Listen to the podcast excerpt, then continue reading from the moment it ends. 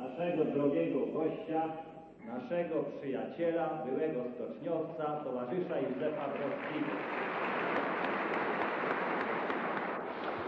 Dragi drugovi i drugarice, dozvolite mi poručim vama najsrdačnije pozdrave i mnogo uspjeha u vašem daljnjem radu. Neka živi prijateljstvo između naroda Jugoslavije i Polske. Niech żyje przyjaźń między narodami Polski i Jugosławii. Był równie gorąco witany, jak i potępiany. Legendarny przywódca partyzancki i krwawy dyktator, gdy poróżnił się ze Stalinem, na przemian uwielbienie i potępienie, aż do dziś.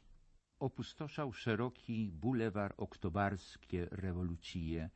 Już z rzadka zatrzymują się tam autokary z wycieczkami pragnącymi zobaczyć dom kwiatów, a w nim marmurowy sarkofag z lakonicznym napisem Josip Broz Tito 1892-1980.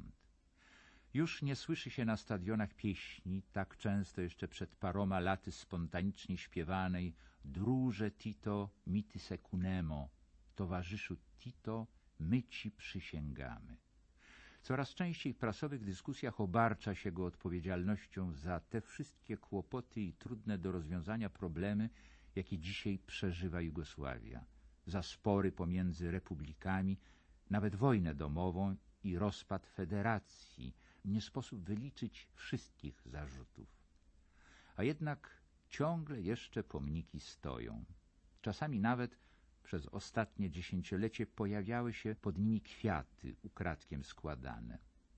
Kim więc był ten człowiek, że jego legenda, choć z coraz większym trudem, jeszcze trwa, że jego imię nie przez wszystkich jest dzisiaj przeklinane, że ciągle dla tak wielu pozostał cennym wspomnieniem i autorytetem, którzy w trudnych chwilach wzdychają, ech, gdyby to Tito żył. W galerii postaci XX wieku dziś Josip Broz Tito, a gościem programu jest dziennikarz i publicysta Jerzy Wojdyło. Napisał pan książkę o Ticie, jakiego nie znamy. Zwłaszcza teraz, wobec tego, co dzieje się w Jugosławii, prawda o Josipie Broz Tito będzie doprawdy intrygująca. A zatem, kim był Tito? Może na początek jedna uwaga. Wydawało się, że Tito odszedł już zupełnie w niepamięć, że o nim się już nie będzie wspominać, nie będzie się wracać do jego politycznej koncepcji, nie będzie się o nim więcej mówić. Okazuje się jednak, że nie. W pewnym sensie nastąpił pewien renesans Tity obecnie. Coraz częściej czyta się w publicystyce jugosłowiańskiej, no trudno powiedzieć jugosłowiańskiej w tej chwili, ale na przykład również i w Bośni, w Serbii, w Chorwacji czyta się artykuły inaczej podchodzące do Tity niż moglibyśmy się teraz spodziewać. To znaczy nie ma tutaj generalnej jakiejś krytyki. Jakim był Tito? Może zacznę od takich prostych rzeczy. Był człowiekiem niewykształconym. Skończył zaledwie dwie klasy szkoły zawodowej, był ślusarzem, z czego był bardzo dumny do końca życia i nigdy właściwie tego zawodu, tych umiejętności nie porzucił. Miał na wyspie Wang, na Brioni, w tym archipelagu, swój warsztat, oczywiście doskonale wyposażony, w którym często przebywał w wolnych chwilach i tam właśnie majstrował różne rzeczy ślusarskie dla swoich przyjaciół. Był wojskowym, z I wojny światowej wyszedł ze stopniem plutonowego, nic więcej. Oczywiście następny stopień był marszałka Jugosławii. Ogromny skok. Był człowiekiem, który bardzo źle mówił gramatycznie. Pochodził przecież z pogranicza słoweńsko-chorwackiego, z tak zwanego chorwackiego Zagoria. No właśnie, to teraz jest bardzo istotne. Był Chorwatem, chociaż jego matka była Słowenką, prawda? Tak. No i przemieszanie tych obu kultur wpłynęło na to, że Tito nie opanował do końca języka serbsko-chorwackiego.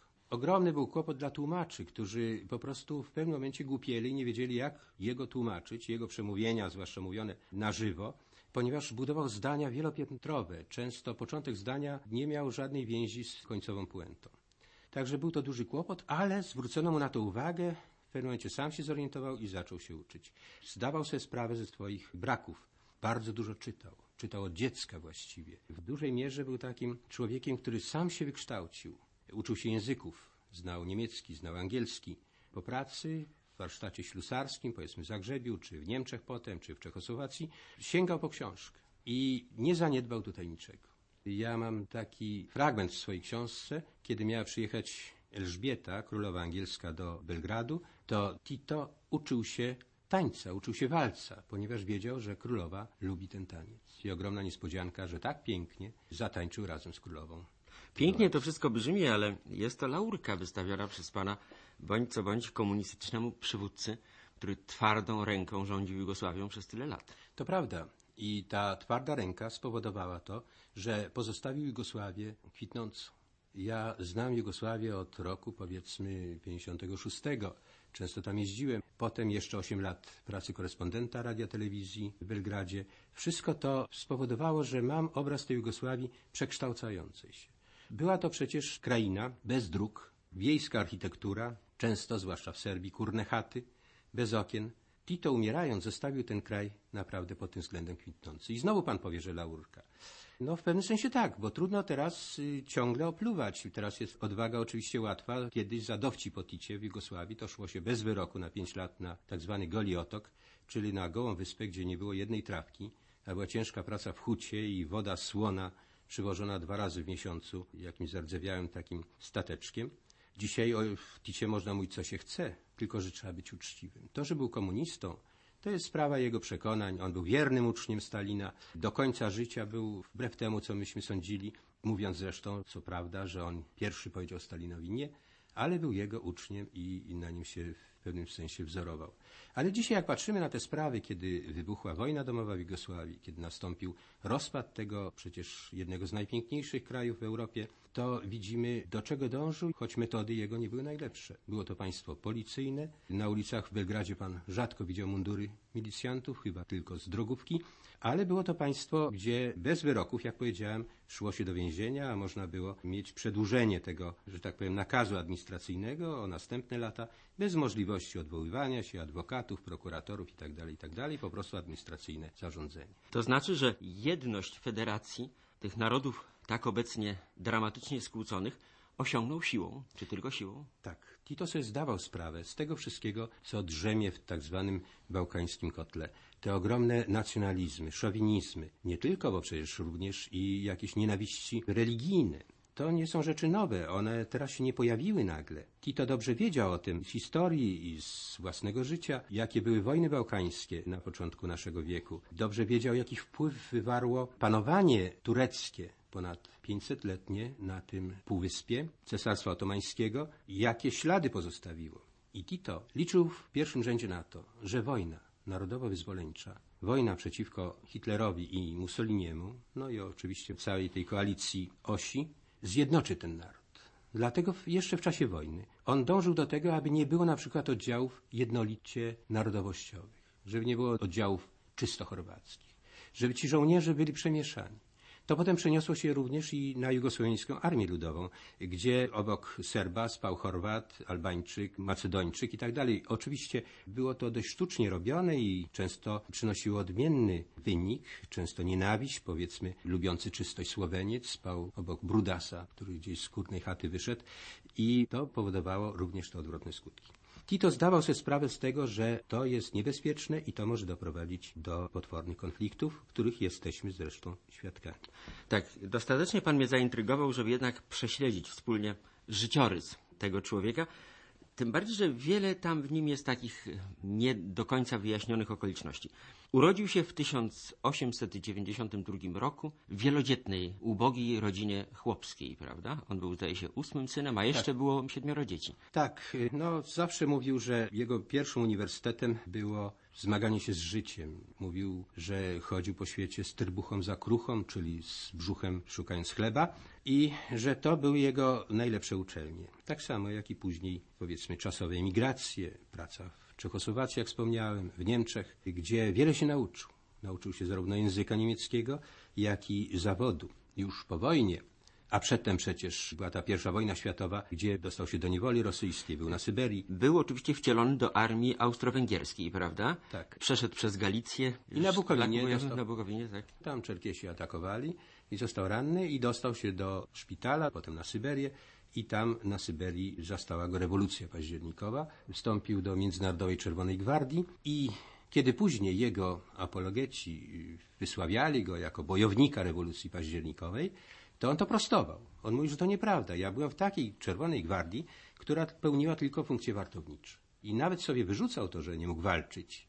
A może i sobie nie wyrzucał, bo on chyba nie był taki najbardziej odważny, również i w życiu, i w sprawach politycznych. Nie temu- był odważny, legendarny marszałek, tak, legendarny partyzantów? marszałek niestety. Już moglibyśmy przeskoczyć do II wojny światowej, może jeszcze za chwilę. Ale nie, nie, jeszcze nie, bo Tak? to jest wiele ważnych elementów. Oczywiście. A więc pobyt w Rosji, który wywarł na pewno jakieś piętno na nim, to znaczy ideę rewolucji październikowej, przecież on wstąpił do WKPB.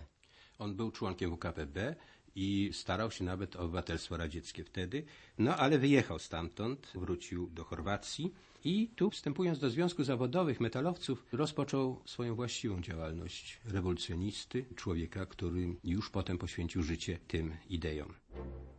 Wróćmy jeszcze do pobytu w rewolucyjnej Rosji i posłuchajmy fragmentu książki napisanej przez naszego gościa Jerzego Wojdełę zatytułowanej Tito, jakiego nie znamy.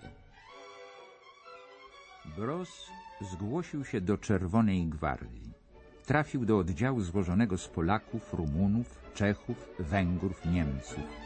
Spotkał też swoich rodaków. Dostali broń, pełnili warty, chodzili na patrole. To wtedy właśnie Józef Broz poprosił o przyznanie mu radzieckiego obywatelstwa, a także o przyjęcie do komunistycznej partii robotniczej bolszewików. Dostał kandydacką legitymację. Końcu maja 1918 roku korpus czechosłowacki, który przeszedł na stronę białych, opanował Omsk, rozpędził czerwonogwardzistów. Broz uciekł do oddalonej o 70 km wioski Michajlowka i tam znalazł pracę u miejscowych Kirgizów. Jesienią 1919 roku, gdy nadeszły oddziały generała Kołczaka, Broz został znowu aresztowany. Uwolniony przez czerwonogwardzistów wrócił do Omska. Tam dowiedział się, że przy Okręgowym Komitecie Komunistycznej Partii Robotniczej Bolszewików działa Dmitrij Georgiewicz, przysłany przez Biuro Jugosłowiańskiej Grupy Komunistycznej. Broz natychmiast się zgłosił, powiedział kim jest, pokazał swą kandydacką legitymację. Wkrótce potem został pełnoprawnym członkiem partii. Wiedział, że od 1 grudnia 1918 roku istnieje niepodległe Królestwo Serbów, Chorwatów i Słoweńców, pierwsze w historii zjednoczone państwo południowych Słowian. Pewnego dnia, gdy omska gazeta zamieściła informację o zbrojnym powstaniu chorwackich chłopów, Broz postanowił ruszyć w powrotną drogę. Nie był już wtedy sam. W 1918 roku poznał urodziwą dziewczynę Pelagiję Białousową. Wzięli cerkiewny ślub, a w dwa lata później również cywilny. Była wysoka, jasnowłosa, dobrze zbudowana. Zawsze gustował w dziewczynach przy kości, jak czasem żartował. Pewnego dnia spakowali swe skromne mienie i ruszyli w drogę, choć Pelagija spodziewała się dziecka. Była to prawdziwa Odyseja. Tygodniami jechali towarowym pociągiem do Moskwy i dalej do Piotrogrodu. Potem była Estonia i trzytygodniowa kwarantanna w twierdzy miasta Narwa. Dostali wreszcie odpowiednie papiery i wraz z dużą grupą Jugosłowian ruszyli w dalszą drogę. Tym razem niemieckim statkiem Lili Feuermann. Po paru dobach żeglugi zawinęli do Szczecina. Tu nastąpił podział według narodowości. Jugosłowianie skierowani zostali przez Niemcy i Austrię do słoweńskiego Mariboru. Kolejna kwarantanna i długie policyjne przesłuchiwania. Co robił w Rosji, kim był, czy brał udział w walkach rewolucyjnych po stronie bolszewików? Ostatecznie został wpisany na listę podejrzanych politycznie osób. Czuł się Chorwatem czy troszkę rosyjskim bolszewikiem, rewolucjonistą? No trudno odpowiedzieć na to pytanie. On ciągle podkreślał, że właściwie on jest Jugosłowianinem.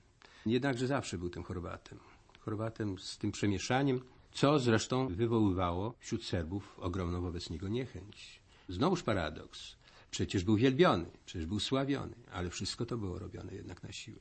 Tak, ale mnie interesuje moment, w którym on nauczył się tej mocnej władzy. Nauczył się jej w Moskwie, bo powrócił po rewolucji do rodzinnej Chorwacji, tam działał jako związkowiec, potem w partii komunistycznej, prawda? I został przez nią wysłany do, do Moskwy, tak, Kominternu. Do, do Kominternu. Tam współpracował z Dimitrowem i potem się okazało, już po wielu latach, kiedy wspominał tamten okres, to wtedy był świadkiem już pierwszych czystek stalinowskich, zbrodni. On oczywiście, gdy tam pojechał, to był święcie przekonany, że to jest rzeczywiście kraj pełnych wolności. A pojechał zdaje się w latach 30., W prawda? 1935 roku tam 35, pojechał tak. do Moskwy, tam się też bardzo dużo uczył, ale już zaczął patrzeć na te sprawy. Mówi pan, jak on się tego nauczył? On jednak nauczył się tego od Stalina. Ja już powiedziałem, że to był wierny uczeń Stalina i bardzo pilny uczeń Stalina. Zresztą konflikt Stalin-Tito, znowuż może taki pewien przeskok, polegał na tym, że dwóch dyktatorów się spotkało. Ludzi przekonanych o swoich słusznościach, racjach i swojej wielkości. I to było nie do zniesienia ani dla jednego, ani dla drugiego. Ale przedtem jako funkcjonariusz Kominternu pisał donosy na swoich współtowarzyszy w tym okresie czystek. Był bezwzględny, jeśli chodzi o metody walki politycznej. To prawda, on nie znosił konkurencji. On po prostu eliminował tych wszystkich, którzy mogli jemu zagrozić, również i po wojnie. Jeśli jakiś polityk wybijał się zbytnio, to on go y, sprowadzał do parteru, zresztą najczęściej siłą, czy prowokacją, czy podpuszczeniem na niego jakichś innych ludzi. Jego metody nie były takie czyste i nie były takie demokratyczne. Ale wracając jeszcze do Moskwy. Tutaj zaczęła się wtedy dość tajemnicza, ciemna karta jego życiorysu, do dzisiaj właściwie nie rozświetlona. Ja myślę, że po latach, kiedy zostaną otwarte, jeśli w ogóle, moskiewskie archiwa, to dowiemy się o tym, jak było z wieloma sprawami. Ja dam taki przykład. Tito już po powrocie do kraju z Moskwy był w Paryżu i pracował w kierownictwie komunistycznej partii. Tu niezbędne wyjaśnienie. Partia komunistyczna działała w konspiracji i miała swoje siedziby często w Paryżu, w Zurichu, prawda? Stąd jego częste podróże. Tak jest, on bardzo dużo podróżował, zresztą uwielbiał podróże. Podróżował zresztą podróżnymi postaciami, inżyniera, krawca, jakiegoś fryzjera i pełnił takie, jakby powiedzieć, może nie kurierskie, bo kurier przenosi jakieś informacje czy przesyłki, ale pełnił funkcję takiego wędrującego rewolucjonisty. I kiedy był w Paryżu, przywódca partii, Milan Gorkicz, został w 1937 roku wezwany do Moskwy. Ja daję ten przykład, jak się zaczęła ta ciemna karta jego życiorysu. I Tito zastępował jego, ale to nie była żadna funkcja. W pewnym momencie okazało się, że Gorkicz w Moskwie zaginął. Żadna odpowiedź nie przyszła na liczne ponaglenia. Po prostu człowiek rozpłynął się w nocy czy we mgle.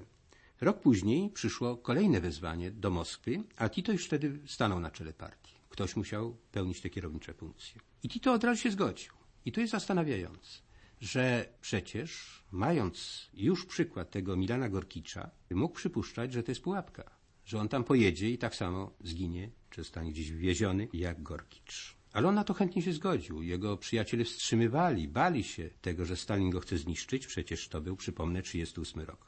I to jednak pojechał. Był tam parę miesięcy. Co robił, z kim rozmawiał, co załatwił, to właściwie do dzisiaj nie ma żadnej na ten temat relacji ani dokumentów. Natomiast jeśli chodzi o to, jak Tito stanął na czele partii komunistycznej jugosłowiańskiej, to jest na ten temat około 16 wersji. Żadna nie sprawdzona. Zresztą on chętnie tworzył nowe i był zainteresowany w tym, żeby ta sprawa była osnuta jakąś taką mgłą. Ciekawe, że wiele wersji dotyczy jego pseudonimu, bo nazywał się Josip Broz. Broz. Natomiast skąd Tito? Różne miał pseudonimy. Pseudonimów miało około 30-30 paru. Najczęściej nazywano go jeszcze przed wojną Stary. To jest taki bałkański zwyczaj, że do przyjaciela, zaufanego człowieka mówi się stary, zresztą w Polsce też czasami. Tito właściwie już później, już pod koniec okresu międzywojennego, to pojęcie utrwaliło się, no i w czasie wojny. Oczywiście wersji było masy na ten temat, że to jest skrót od międzynarodowego ruchu terrorystycznego i dopiero w czasie okupacji, kiedy Niemcy wydali list gończy, zanim to imię zostało najbardziej rozpowszechnione. Nie było znane w Jugosławii w czasie wojny przez pierwszych parę lat. Trwała jeszcze wojna. Wiele faktów krył mrok tajemnicy, snuto więc różne przypuszczenia, kim jest dowódca ludowych partyzantów walczących w Jugosławii od pierwszych chwil hitlerowskiego najazdu na ten kraj. Długo na przykład sądzono, że to Rosjanin. Tak przypuszczali nawet Amerykanie, a Niemcy przez dwa lata starali się sprawdzić tę wersję. Podtrzymywał ją również jugosłowiański pułkownik Draża Michajlowicz, który dostarczył czetnickiej policji fotografię Tity z pytaniem, czy tak właśnie wyglądał radziecki radca Lebiediew. Odpowiedź była negatywna. Snuto domysły. Kim jest? Skąd pochodzi? A wątpliwości miał podobno i Winston Churchill. Dla wielu był Josip Broz przede wszystkim bolszewickim agentem. 5 grudnia 1943 roku pisał na łamach amerykańskiego dziennika New York Times znany publicysta Leo Sulzberger. Są różne domysły, kim jest Tito. Według jednych, a mniemanie to podziela wielu Jugosłowian, dotychczas istniało dwóch ludzi o tym imieniu. Kiedy jeden zginął, drugi przejmował ten pseudonim, podtrzymując w ten sposób mit o nieśmiertelności tej postaci. Istnieją też różne przypuszczenia, kim jest ta żywa czy fikcyjna postać nosząca imię Tito. W pewnym okresie wrogowie partyzantów twierdzili, że jest nią Lebiediew, który był przed wojną radcą radzieckiej ambasady w Belgradzie. Według innej wersji Tito to Costa Nadi, ale ten jest w rzeczywistości jednym z partyzanckich dowódców, jednym z generałów Tity. Mówiono także, że Tito to Mosza Pijade, serbski komunista żydowskiego pochodzenia, który był przez wiele lat więziony w Belgradzie. Zajmował się głównie pisaniem wierszy i malowaniem portretów. Kolejna wersja to ta, że Tito to człowiek o nazwisku Bros, który pod tym pseudonimem uczestniczył w hiszpańskiej wojnie domowej. Inne przypuszczenie, bardzo popularne, głosi, że Tito to kobieta. Tak więc przez długi okres wojny był dla obcych i rodzimych wrogów, a także dla partyzantów, a nawet sprzymierzonych, postacią legendarną, mityczną. Byli nawet tacy, co uważali, że nie ma i nigdy nie było człowieka o tym imieniu, a powstało ono po prostu od pierwszych liter słów tajna, internacjonalistyczna, terrorystyczna organizacja. Trzeba pamiętać o tym, że przez całą wojnę Tito walczył, no poza oczywiście tą walką zbrojną z nieprzyjaciółmi, ale walczył o to, aby został uznany. On bardzo przeżywał to, że ani Zachód, ani Związek Radziecki nie chciał go długo, długo uznać jako przywódcę, jako polityka tam walczącego z hitleryzmem i faszyzmem, natomiast bardzo konkurował z Drażą Michajlowiczem. Przywódcą serbskich czetników, tak? Czetników, tak. Był to taki ruch narodowy, oskarżany w czasie całego tego okresu o współpracę z Niemcami. Zresztą podobnie jak i Armia Krajowa była u nas oskarżana o to, że stała z bronią u nogi. Na ten temat ja myślę, że najbliższa historia jeszcze wiele powie.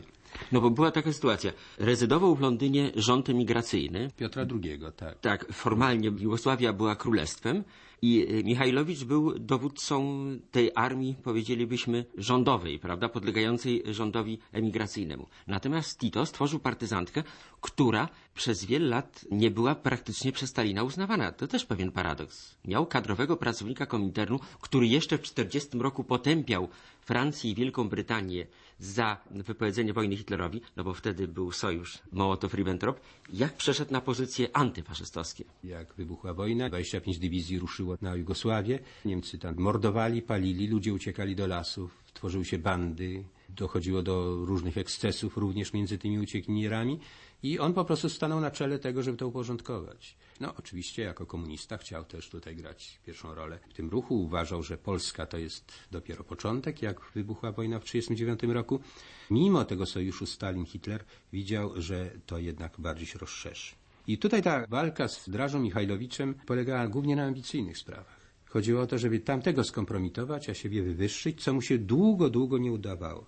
Ale jednakże już w kwietniu 1943 roku, albo może dopiero w 1943 roku, przyjechały do niego misje wojskowe alianckie. A dopiero w lutym 1944 roku misja radziecka. Więc tych parę miesięcy wywarło na Ticie ogromne wrażenie. Po prostu uważał, że Stalin powinien jego przede wszystkim uznać. Stalin po raz pierwszy usłyszał imię Tity w 1941 roku, już w czasie powstania, gdy ten zatelegrafował do Moskwy z pytaniem, dlaczego radzieckie radio ciągle mówi, że to pułkownik Draża Michajlowicz jest jedynym przywódcą ruchu oporu przeciwko Niemcom w Jugosławii. Pierwsze spotkanie przyniosło ostre polemiki. Stalin nie znosił jakiegokolwiek sprzeciwu. Długo doradzał, aby Tito zgodził się na powrót króla Piotra II do Jugosławii. Nie musi wracać na stałe, mówił Stalin, doprowadzając Titę do wściekłości, tylko czasowo, a potem w odpowiednim momencie wbijecie mu nóż w plecy. Okazji do zwad i ostrych radiotelegramów nie brakowało. Stalin uważał, że Tito nadto często miesza mu się do polityki i strategii dotyczącej opanowania Bałkanów, że psuje mu szyki w stosunkach z zachodnimi aliantami. 30 maja Tito pisał radiodepeszy do Komitetu Wykonawczego Kominternu w Moskwie. Radio londyńskie mówi często o wspólnej walce partyzantów i czetników przeciwko okupantom. Jest to wierutne kłamstwo. Wszyscy czetnicy w Jugosławii, a zwłaszcza dowodzeni przez Drażę Michajlowicza, walczą razem z okupantami przeciwko naszym narodowo-wyzwoleńczym oddziałom. Prosimy, zróbcie wszystko, aby ta straszliwa zdrada znana była całemu światu. Moskwa i radiostacja Slobodna Jugosławia nie ujawniły treści telegramu Tity. Jedynie Georgi Dimitrow przekazał przedstawicielowi Międzynarodówki Komunistycznej Wyliko Wlachowiczowi dyrektywę radzieckiego rządu, z której wynikało, że nie należy poruszać sprawy Draży Michajlowicza, ponieważ jest on członkiem rządu, z którym Związek Radziecki utrzymuje regularne kontakty i atakowanie tego rządu nie byłoby rzeczą pożyteczną. Pozytywny stosunek sprzymierzonych do czetników i pułkownika Draży Michajlowicza odbierał sen Tito i spokój. Doprowadzał do ataków wściekłości. Czuł się tym poniżany i niedoceniony. W Galerii Postaci XX wieku przedstawiliśmy pierwszą część biografii politycznej Josipa Broz Tito. O człowieku, jakiego nie znamy i jego drodze do dyktatury opowiadał Jerzy Wojdyło, autor książki, której fragmenty czytał Andrzej Tomecki.